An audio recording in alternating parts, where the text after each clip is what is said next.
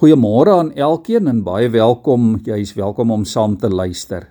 Ek lees vir ons vanoggend uit Nehemia 9 vers 6 tot 8 wat ook deel is van 'n gebed van Nehemia. Dit is U, U alleen is Here. U het die hemel gemaak, die hoogste hemel in sy hele leermag, die aarde en alles daarop, die oseane en alles daarin. U laat hulle almal lewe. Die hemelse leermag buig voor U.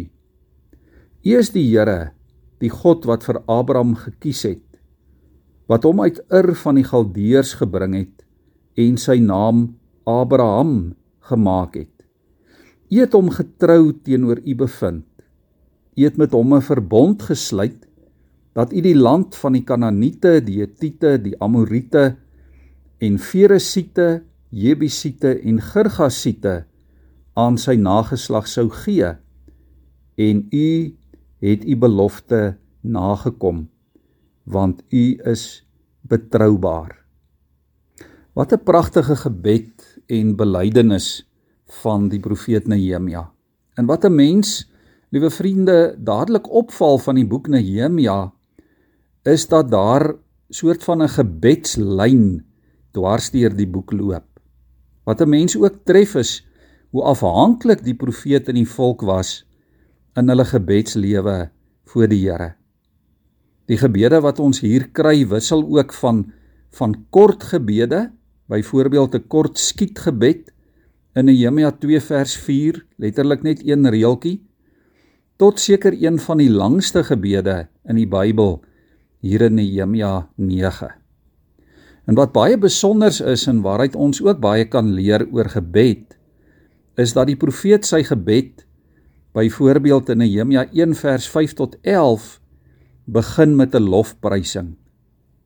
Hy noem daar God se karaktereienskappe. Hy betoon eerbied aan God vir wie hy is en ook vir wat hy doen. Hy bevestig God se getrouheid teenoor die wat hom dien. Hoor net hoe bid Nehemia. Hy sê: "Ag Here, God van die hemel, groot en ontzagwekkende God, wat u verbond in u trou handhaaf teenoor die wat vir u liefhet en u gebooie gehoorsaam."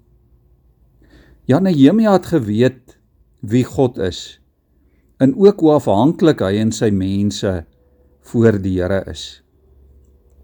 En wanneer ons, jy en ek, die Here se naam so groot maak ook in ons eie gebedslewe, dan help dit ons om te fokus op wie die Here is. Dit help ons om ook die heeltyd in ons gebedslewe te onthou met wie ons te doen het. Dit laat ons geloof ook sterker word. Dit gee vir ons versekering dat die Here in staat is om meer te doen ook as wat ons kan bid of dink. Juis omdat hy die ontzagwekkende God is. As ek my gebed met so lofprysing begin in plaas daarvan om, om sommer net weg te val en te begin bid met 'n lys van behoeftes en vraelysies en inkopieslysies dan dan help dit my om weg te kyk van dit wat wat hy vir my kan gee en kan doen en om in die eerste plek raak te sien met wie ek praat met wie ek ook in my gebede besig is tot wie ek nader Hy is die God van die hemel, die groot en ontzagwekkende God. Liewe vriende, kom ons roep vandag en elke dag die naam van die Here so aan in afhanklikheid.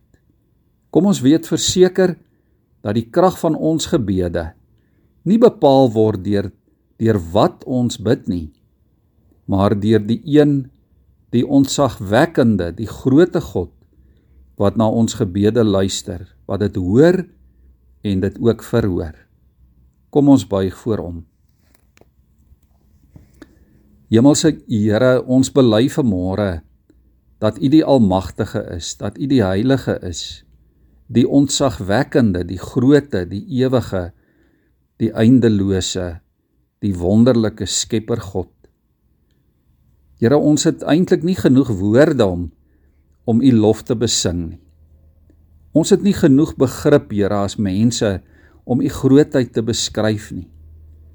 Maar dankie Here dat as ons in Jesus Christus aan U behoort, as die Heilige Gees ook binne in ons werk en in ons woon, Here, dan is U die een wat ook namens ons bid.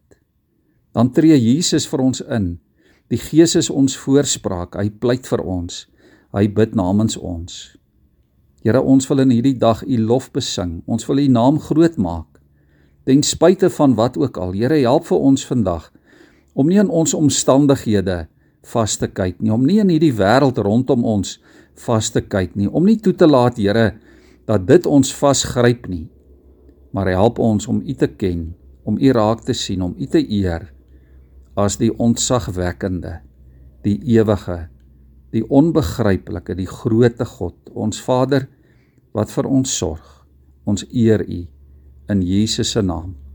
Amen.